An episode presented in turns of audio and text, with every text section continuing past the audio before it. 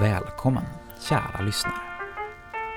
Vi har kommit fram till sjunde avsnittet av Oktagonen. En skräckföljetong i åtta delar. Jag heter Emanuel Blume.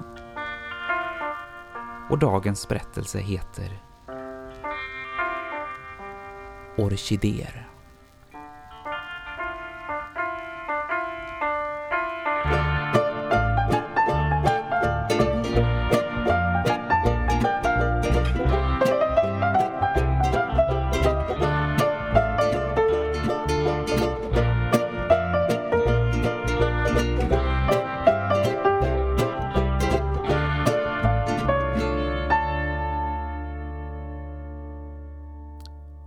Onsdag igen.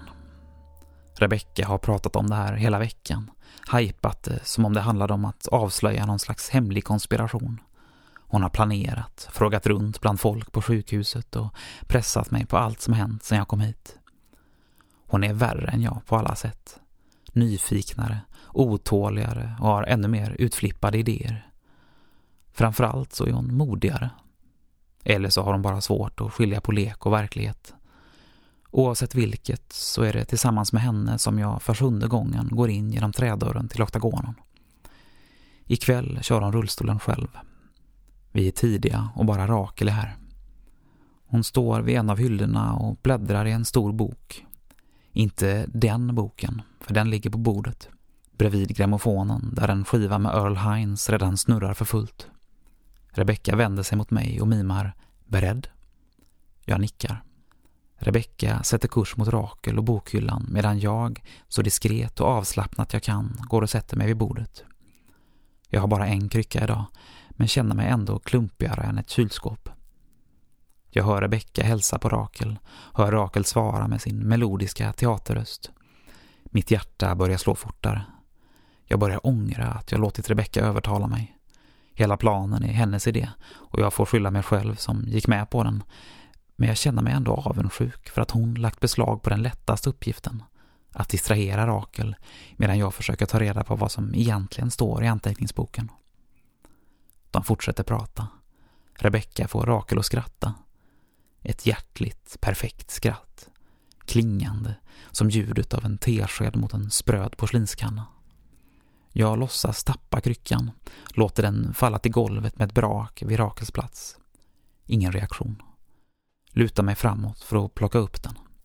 Boken är ihopslagen. En liggande åtta på framsidan, evighetstecknet. Jag inser att min hand skakar när jag slår upp pärmarna. Den krattiga handstilen är omöjlig att läsa. Jag låtsas leta efter kryckan medan jag försöker tyda den och lyckas med möda urskilja enskilda bokstäver. Några enstaka ord här och där. Jag hör Rebecka mala på borta vid bokhyllan och ser i ögonvrån hur Rakel artigt står och lyssnar. Känner svetten bryta fram i pannan. Meningarna går att läsa, men jag måste anstränga mig till det yttersta. Där står namn, datum, meningar som jag bedömer vara sammanfattningar av berättelser. Det är lite som att urskilja detaljer i ett mörkt rum. Först ser man ingenting, men ju mer ögonen vänjer sig, det står att någon som heter Gudrun Bodin har berättat en historia. Något om en försvunnen skogshuggare. Rakel har antecknat att berättelsen är förutsägbar men godkänd. Det som får mig att reagera är datumet.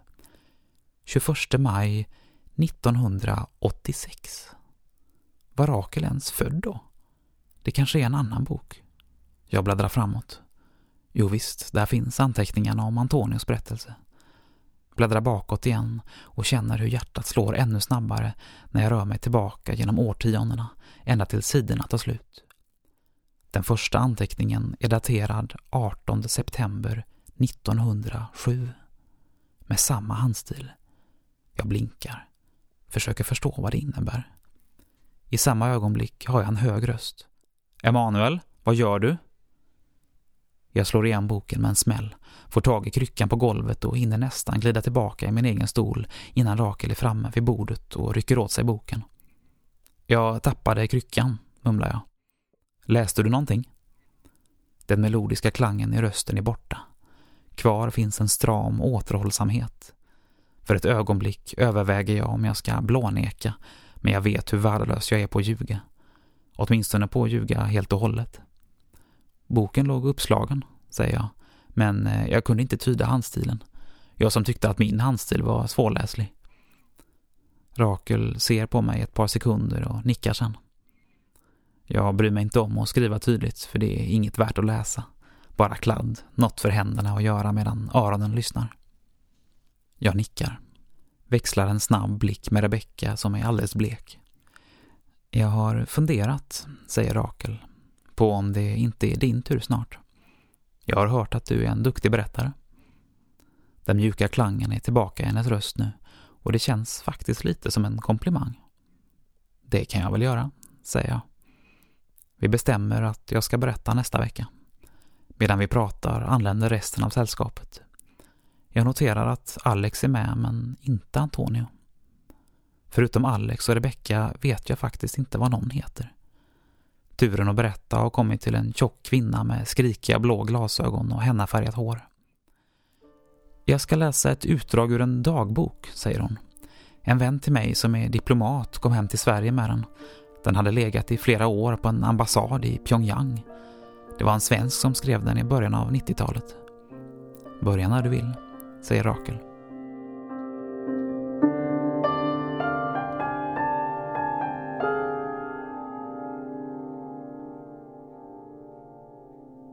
Tisdag 11 juni 1991. Jag har aldrig rört en dagbok i hela mitt liv, men Dr. Falkenström insisterar. Han menar att dagboksskrivande är bästa sättet att hålla hjärnan igång och undvika att den tar ännu mer skada efter det som hänt. Så jag antar att jag är tvungen att ge det en chans, även om det känns tämligen poänglöst. Vad är meningen med att skriva något som ingen kommer läsa? Jag har skrivit rapporter, artiklar, utlåtanden och promemorior.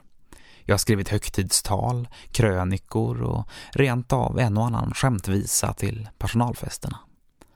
Men dagbok? Vem ska läsa den? Och vad i hela friden tänker han att jag ska skriva om? Tisdag 11 juni 1991, senare på kvällen. Jag ska skriva om det som har hänt. Det är Dr. Falkenströms idé, inte min. Det är nästan tragikomiskt. Han har ägnat en halvtimme åt att försöka förklara konceptet med dagboksskrivande. Min artighet förbjöd mig att avbryta honom. Men jag måste medge att hans sätt att formulera sig är underhållande.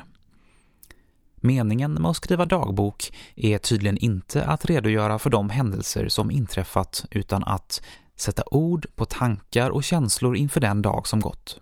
Därav uttrycket dagbok. Tack för den, Dr. Falkenström. Jag är inte dum, även om en mindre begåvad person skulle kunna lockas att tro det utifrån min nuvarande situation. För att tydligt kunna förklara vad som har hänt och för att på ett aldrig så diskret sätt markera att jag har förståndet i behåll kommer jag här att frångå den etablerade dagboksformen och hoppa två dagar bakåt i tiden. Söndag 9 juni 1991, i förrgår. Det var inte första gången jag satt som ordförande för Jordbrukarförbundets riksstämma. Redan på 50-talet lärde de sig att bästa sättet att inte låta stämman övergå i bråk och pajkastning är att ta in en extern ordförande.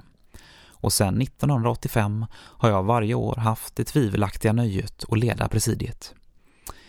Och jag gör det med viss framgång om jag får säga det själv. Senaste gången det uppstod dramatik var 1988 när en gröna vågare från Gävletrakten krävde statlig ersättning efter nedfallet från Tjernobyl och ställde till en ordentlig scen. Sedan dess har allt varit lugnt. Lugnt och tråkigt. I år hade man slagit på stort och förlagt stämman till Aronsborgs konferenshotell som man den här helgen delade med en läkarkongress och det lokala folkpartiet som firade någon slags årsdag. Klockan hade blivit halv tre på söndags eftermiddagen och i tankarna satt jag redan i bilen på väg därifrån. Utskottsförhandlingarna var klara och vi hade ett 40-tal motioner kvar att klubba i plenum. Överraskningarna hade uteblivit, som vanligt. och jag var så uttråkad att jag hade kunnat ge vad som helst för minsta lilla avvikelse från dagordningen. Till och med en nysning i lokalen hade varit uppfriskande. Det var när skattmästaren stod i talarstolen och föredrog en proposition som jag insåg att någonting inte var som det skulle. Det var som om någon hade skruvat ner en volymratt. Ett ögonblick trodde jag att det var fel på mikrofonen, men tekniken visade inga tecken på att märka något.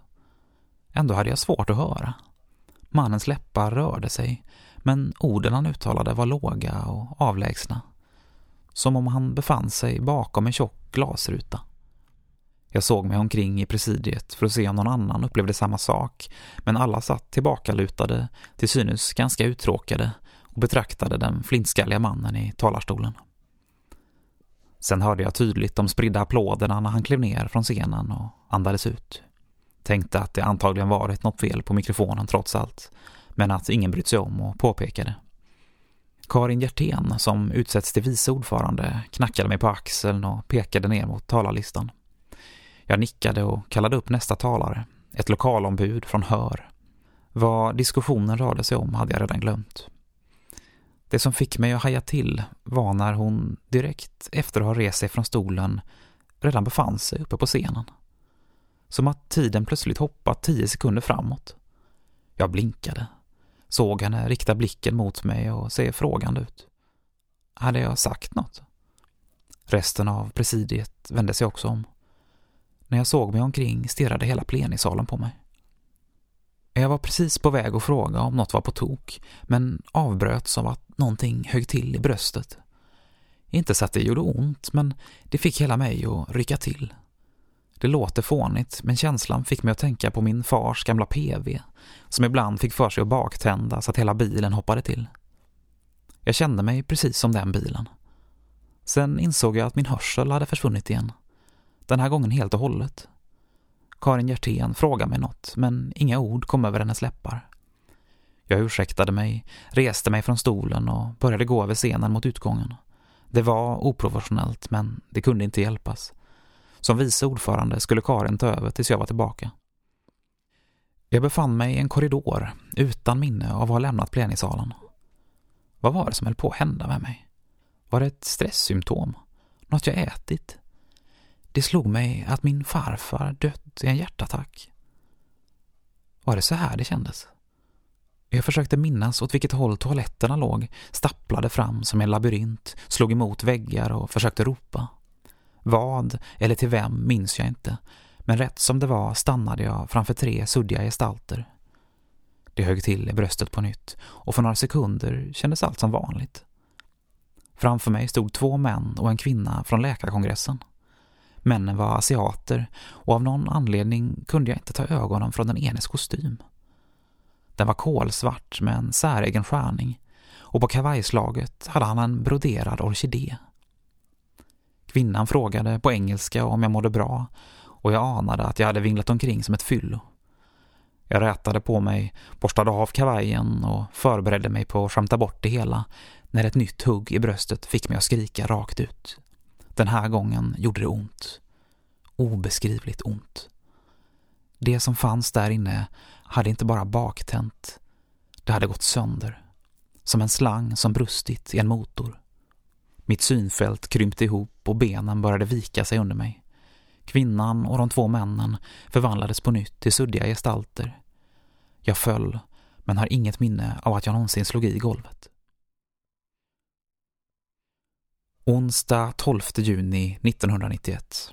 Efter frukost. Dr. Falkenström tvingade mig att avbryta skrivandet igår kväll, rädd att det skulle trötta ut mig. Jag förvånade mig själv med att bli arg. Det kändes som att han tog ifrån mig någonting som jag precis hade börjat återfinna. Klockan är halv nio på morgonen. Jag har ätit frukost, utfört nödvändiga toalettbestyr och vill hinna skriva ännu några sidor innan Helena kommer hit klockan tio. Tanken är att vi ska diskutera huruvida jag bör skrivas ut och åka hem. Att eh, Doktor Dr. Falkenström vill att jag ska stanna kvar går att räkna ut med knäna. Helena vill ta med mig hem. Det är åtminstone vad hon påstår.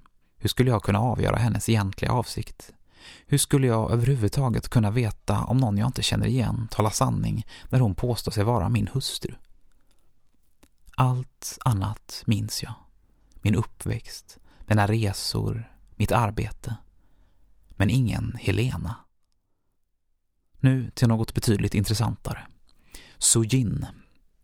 Jag har ingen aning om vad det betyder, men det är ett ord som jag haft ringande i huvudet sedan jag vaknade på akuten. Sujin. Som en drömbild som dröjer sig kvar i huvudet efter att man har vaknat. Men skillnaden att det inte försvinner som drömbilder brukar. Det fortsätter mala i skallen, som en textrad i en sång. Förmodligen betyder det ingenting. Att jag hänger upp mig på det är väl bara ett sätt att skjuta upp och skriva om det jag drar mig för. Situationen jag har hamnat i. Enligt Dr. Falkenström har jag haft oändlig tur. Det finns bara en handfull kända personer i världen som har överlevt det jag har överlevt. Ändå var det ju det jag inte gjorde. Överlevde. Definitionen av död är något jag aldrig tidigare har reflekterat över. När man är död är man död, har jag i min enfald alltid trott. Det som hände strax före klockan tre, där i korridoren på Aronsborg, var att mitt hjärta stannade. Det i sig är inget jättekonstigt. Samma sak hände min farfar under kriget. Vad som är underligt är att det som hände mig inte var någon vanlig hjärtinfarkt, enligt Dr. Falkenström. Jag fick aldrig hjärtflimmer. Hjärtat bara stannade. Det finns ett antal kriterier för att avgöra om en människa är död. Det räcker inte med att hjärtat slutar slå. För att någon ska räknas som död måste även aktiviteten i hjärnan upphöra. Hur man avgör det har jag inte den blekaste aning om. Men enligt Dr. Falkenström var det precis vad som hände mig. Jag var död. Stendöd. Hade det hänt på vilket annat ställe som helst hade det varit slut där. Men jag hade turen att falla död ner mitt under en internationell läkarkongress med specialister och experter från 14 olika länder. Jag kan bara föreställa mig hur lyckliga de ska ha blivit när de fick kasta sig över mig. Och mitt i alltihop, Dr. Falkenström.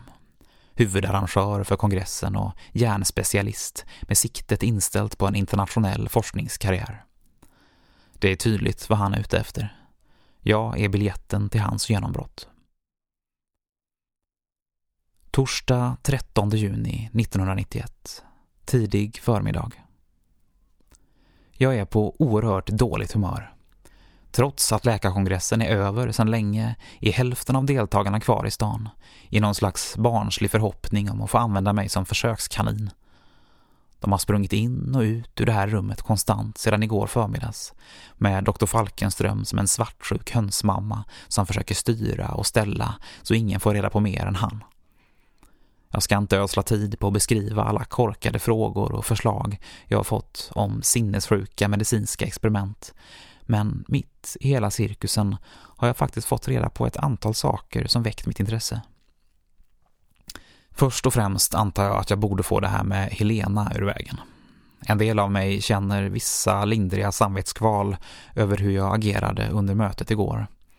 En annan del är fullt belåten med att inte behöva träffa henne mer. Om det stämmer att hon varit min hustru i 13 år, vilket hon å det bestämdaste hävdar, förstår jag inte hur jag tänkte när jag gifte mig med henne. Maken till påträngande kvinna har jag aldrig träffat. Och varför jag inte minns ett 13-årigt äktenskap när mitt minne är intakt i övrigt kan varken Dr. Falkenström eller någon av de andra så kallade experterna svara på. Hur som helst så kommer hon inte tillbaka. Jag förklarade för henne med all önskvärd tydlighet att jag oavsett eventuella tidigare förhållanden är helt ointresserad. Hennes reaktion behöver jag inte gå in på. Med det ur vägen kan jag fokusera på intressantare saker. Jag har fått reda på att läkaren som efter många om och men lyckades återuppliva mig på konferenshotellet hette Jong Tsu och kom från Nordkorea.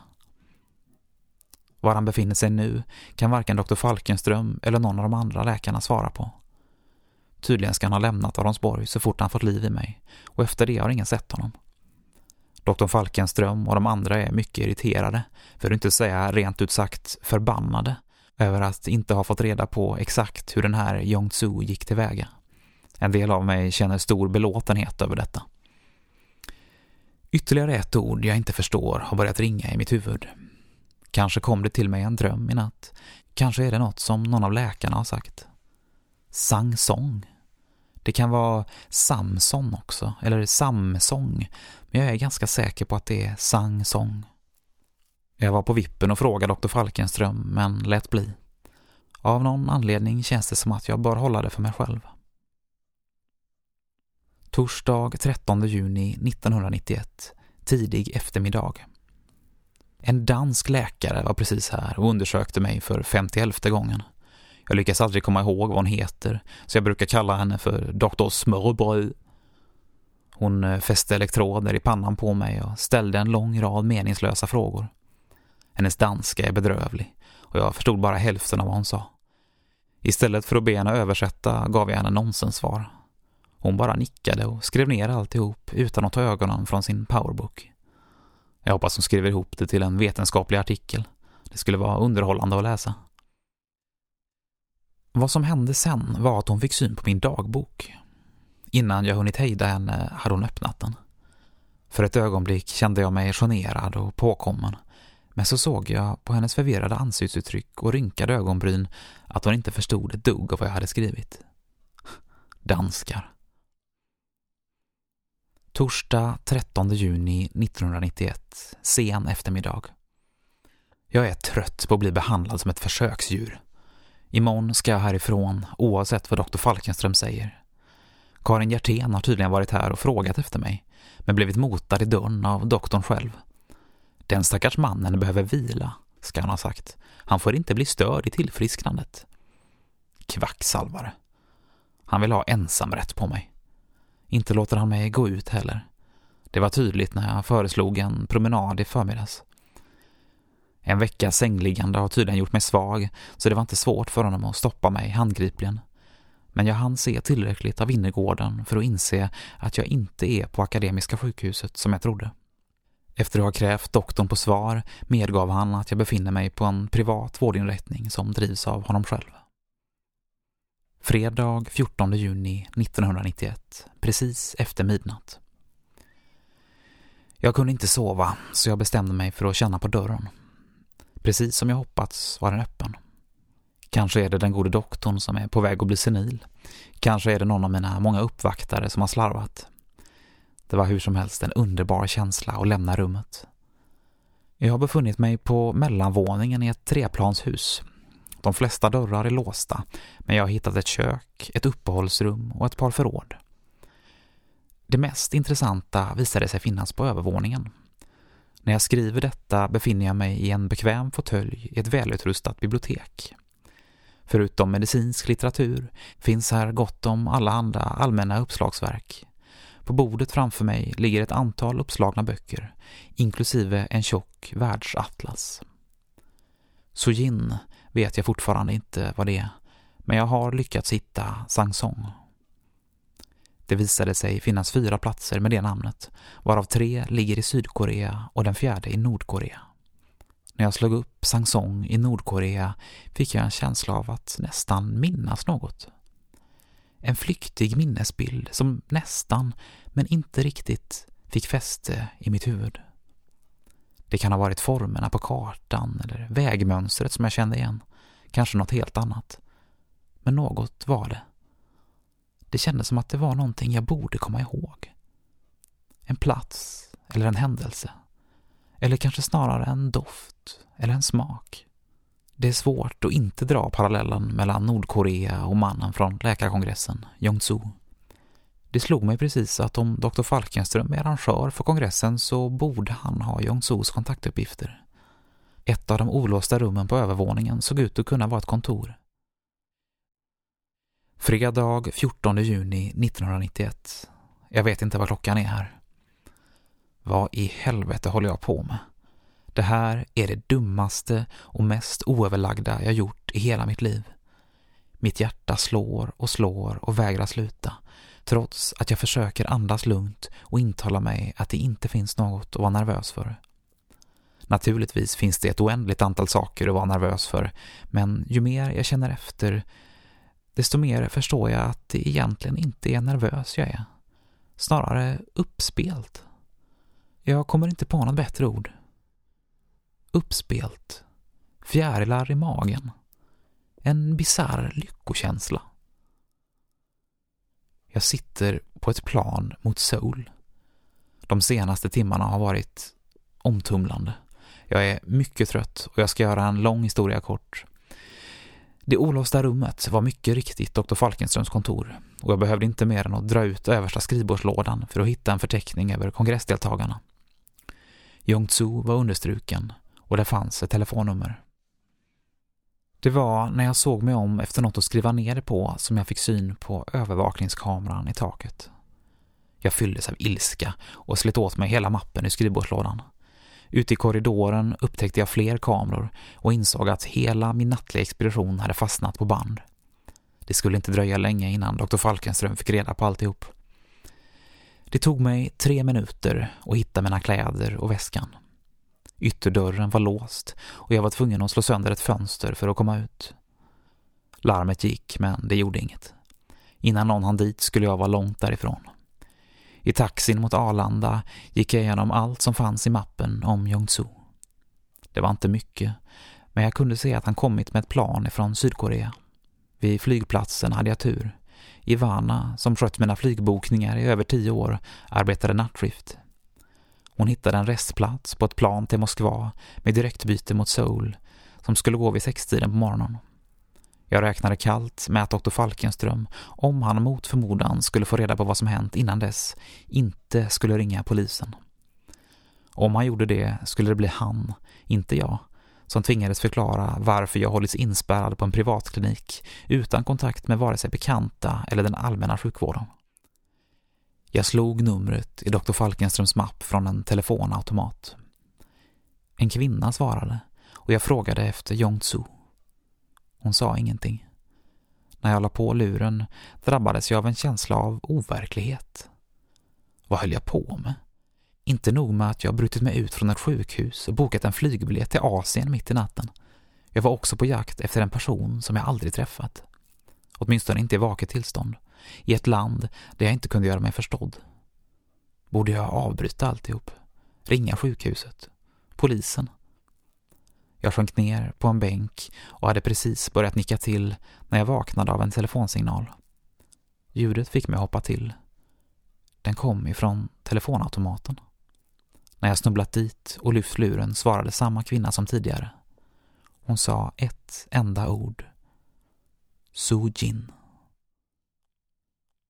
Fredag 14 juni 1991, ett antal timmar senare. Jag har sovit som en sten och har ingen aning om var vi befinner oss eller vad klockan är. Av solen att döma är det mitt på dagen, men beroende på hur långt österut det flugit kan det ha gått alltifrån två till tio timmar. Jag har faktiskt ingen aning. Det enda jag vet är att vi närmar oss Seoul. Den här uppspeltheten, den förvirrade lyckokänslan. Det är som att vara på väg hem efter en lång och arbetsam resa.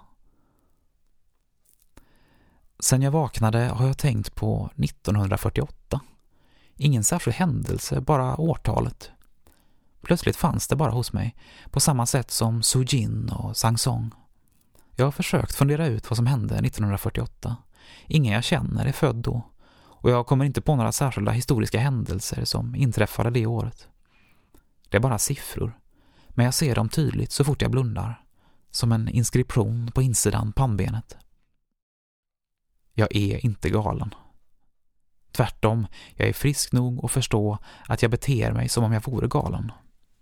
Kvinnan som påstod att hon var min hustru, hon kan ha varit vem som helst. Någon som ville utnyttja situationen för att komma åt mina bankkonton. Eller någon som Dr. Falkenström anlitat för att testa mig. Vem som helst utom min hustru. Hade hon varit det hade jag känt igen henne. Dessutom sitter ingen ring på mitt finger. Ändå får jag, när jag tänker efter, en förnimmelse av någon som stått mig nära.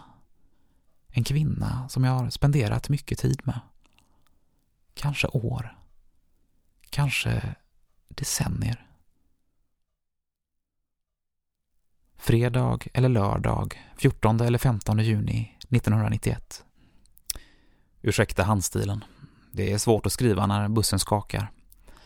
Den första etappen ut från Seoul var mycket angenäm. På en buss med såväl luftkonditionering som mjuka säten. Men eh, efter att ha stått och väntat, jag vet inte hur länge, på en nedsliten busscentral i en by som jag inte uppfattade namnet på fick jag byta till en plåtburk utan vare sig fjädring eller säkerhetsbälten. Hade jag varit förutseende hade jag gjort den här dagboksanteckningen under förra bussresan. Men eh, det finns ingen anledning att klaga så länge vi är på väg mot gränsen till Nordkorea. Det gick snabbt och enkelt att ta sig vidare från Seoul. Jag betraktar mig som tämligen världsvan och det är inte första gången jag letar mig fram i asiatiska storstäder. Men under tidigare resor har jag åtminstone vetat vad jag letat efter. Vad letar jag efter nu? Det är skrattretande, det jag håller på med. Men det får mig att känna mig mer levande än jag gjort på många år. Förmodligen lördag eller söndag, 15 eller 16 juni 1991, tidig kväll. Jag befinner mig i Nordkorea, i en bil på väg mot Sangsong. Bara åsynen av landskapet här får det att bubbla av lycka i mitt bröst. Det är svårt att beskriva det jag ser. Bergen, byarna, industriområdena som sömlöst övergår i jordbruk. Som att nutiden sitter direkt ihop med dåtiden. Det tog ett antal timmar att bli insläppt i landet. Jag satt och halvslumrade i ett övervakat rum vid gränsposteringen i vad som kändes som en evighet innan någon slags militär befälhavare kom instövlande med ett skrynkligt fax. Han läste till och pekade på mig.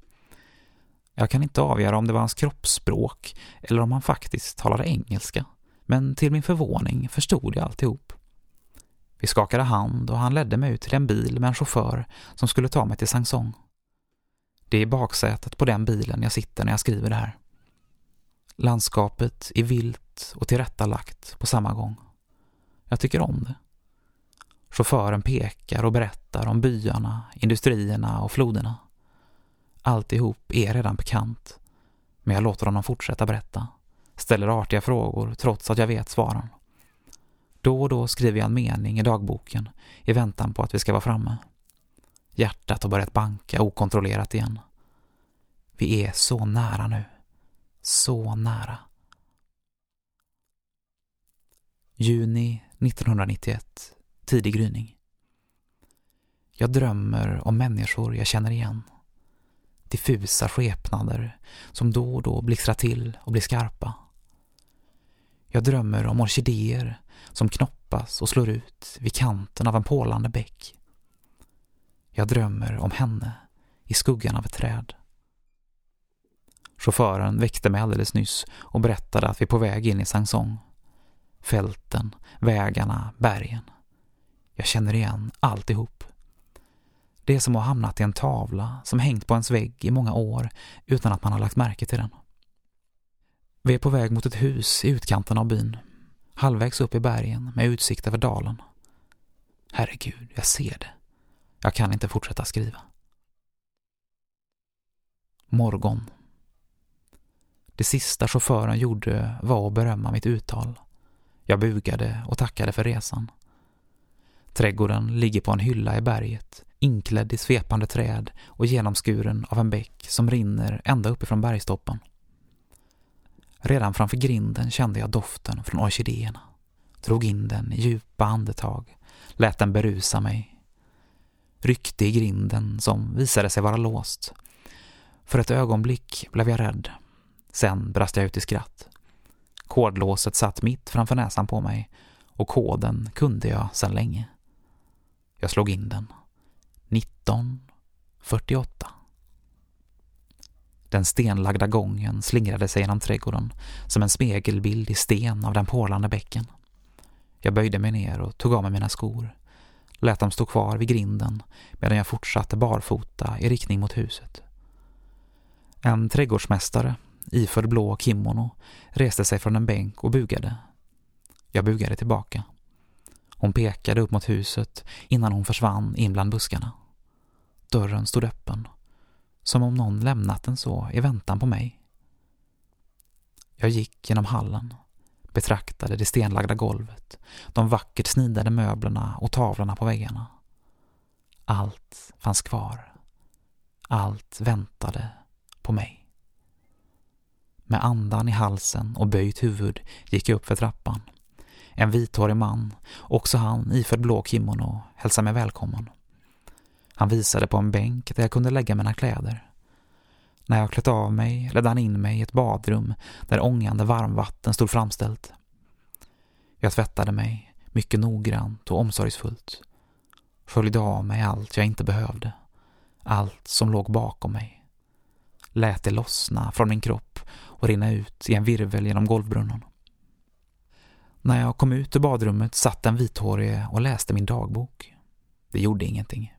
Jag log mot honom och han berömde mina vackra Choson guldtecken. Jag tackade och bugade. Innan han försvann gjorde han en svepande rörelse över bänken där jag klätt av mig. Mina gamla kläder var borta.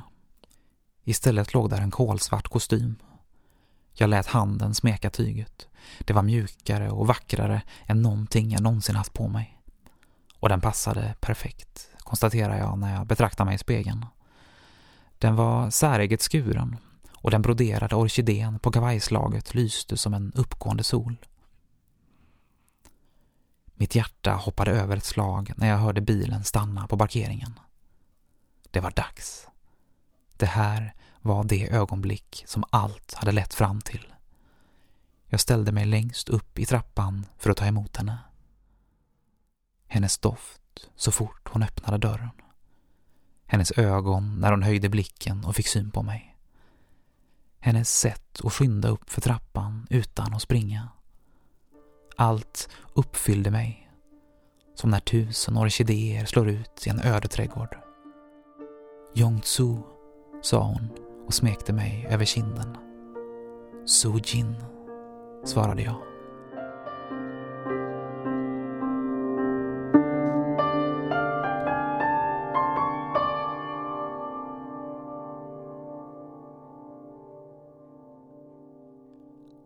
Rebecka är sprickfärdig av nyfikenhet när vi kommer tillbaka till rummet och så fort vi stängt dörren om oss frågar hon vad jag sett i Rakels anteckningsbok.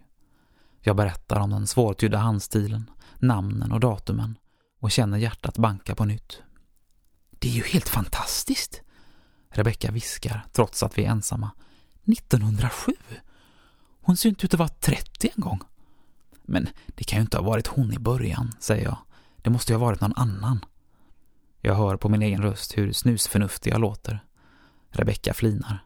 Hon verkar varken rädd eller skeptisk, snarare mer och mer upphetsad. Som om hon höll på att knäcka en gåta eller hitta en lösning i ett dataspel. Som att allting bara var en lek. Det gör mig lite rädd. Hon heter inte Rakel, säger hon. Hon heter Gertrud. Och hon är inte patient. Hon är städerska. Städerska? Berättar hon det? Nej, det har jag tagit reda på. Jag har varit här många gånger, känner många, det har jag ju sagt tusen gånger. Har kollat med flera stycken. Hon har städat här åtminstone sedan 80-talet. Jag kunde inte låta bli att fnysa. På 80-talet var hon väl knappt född? Jo, det var hon, sa Rebecka.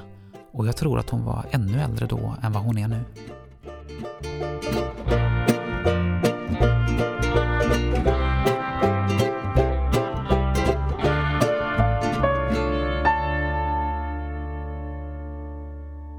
Du har lyssnat på Orkidéer, sjunde avsnittet av Oktagonen. Jag som skrivit och producerat heter Emanuel Blume och inspelningstekniker var Sofia Edlund. Oktagonen är en samproduktion mellan Typ förlag och Mörkersdottir förlag. Nästa vecka, i det åttonde och sista avsnittet, handlar det om ett bröllop, en död syster och någon du trodde att du kände. Vi hörs då.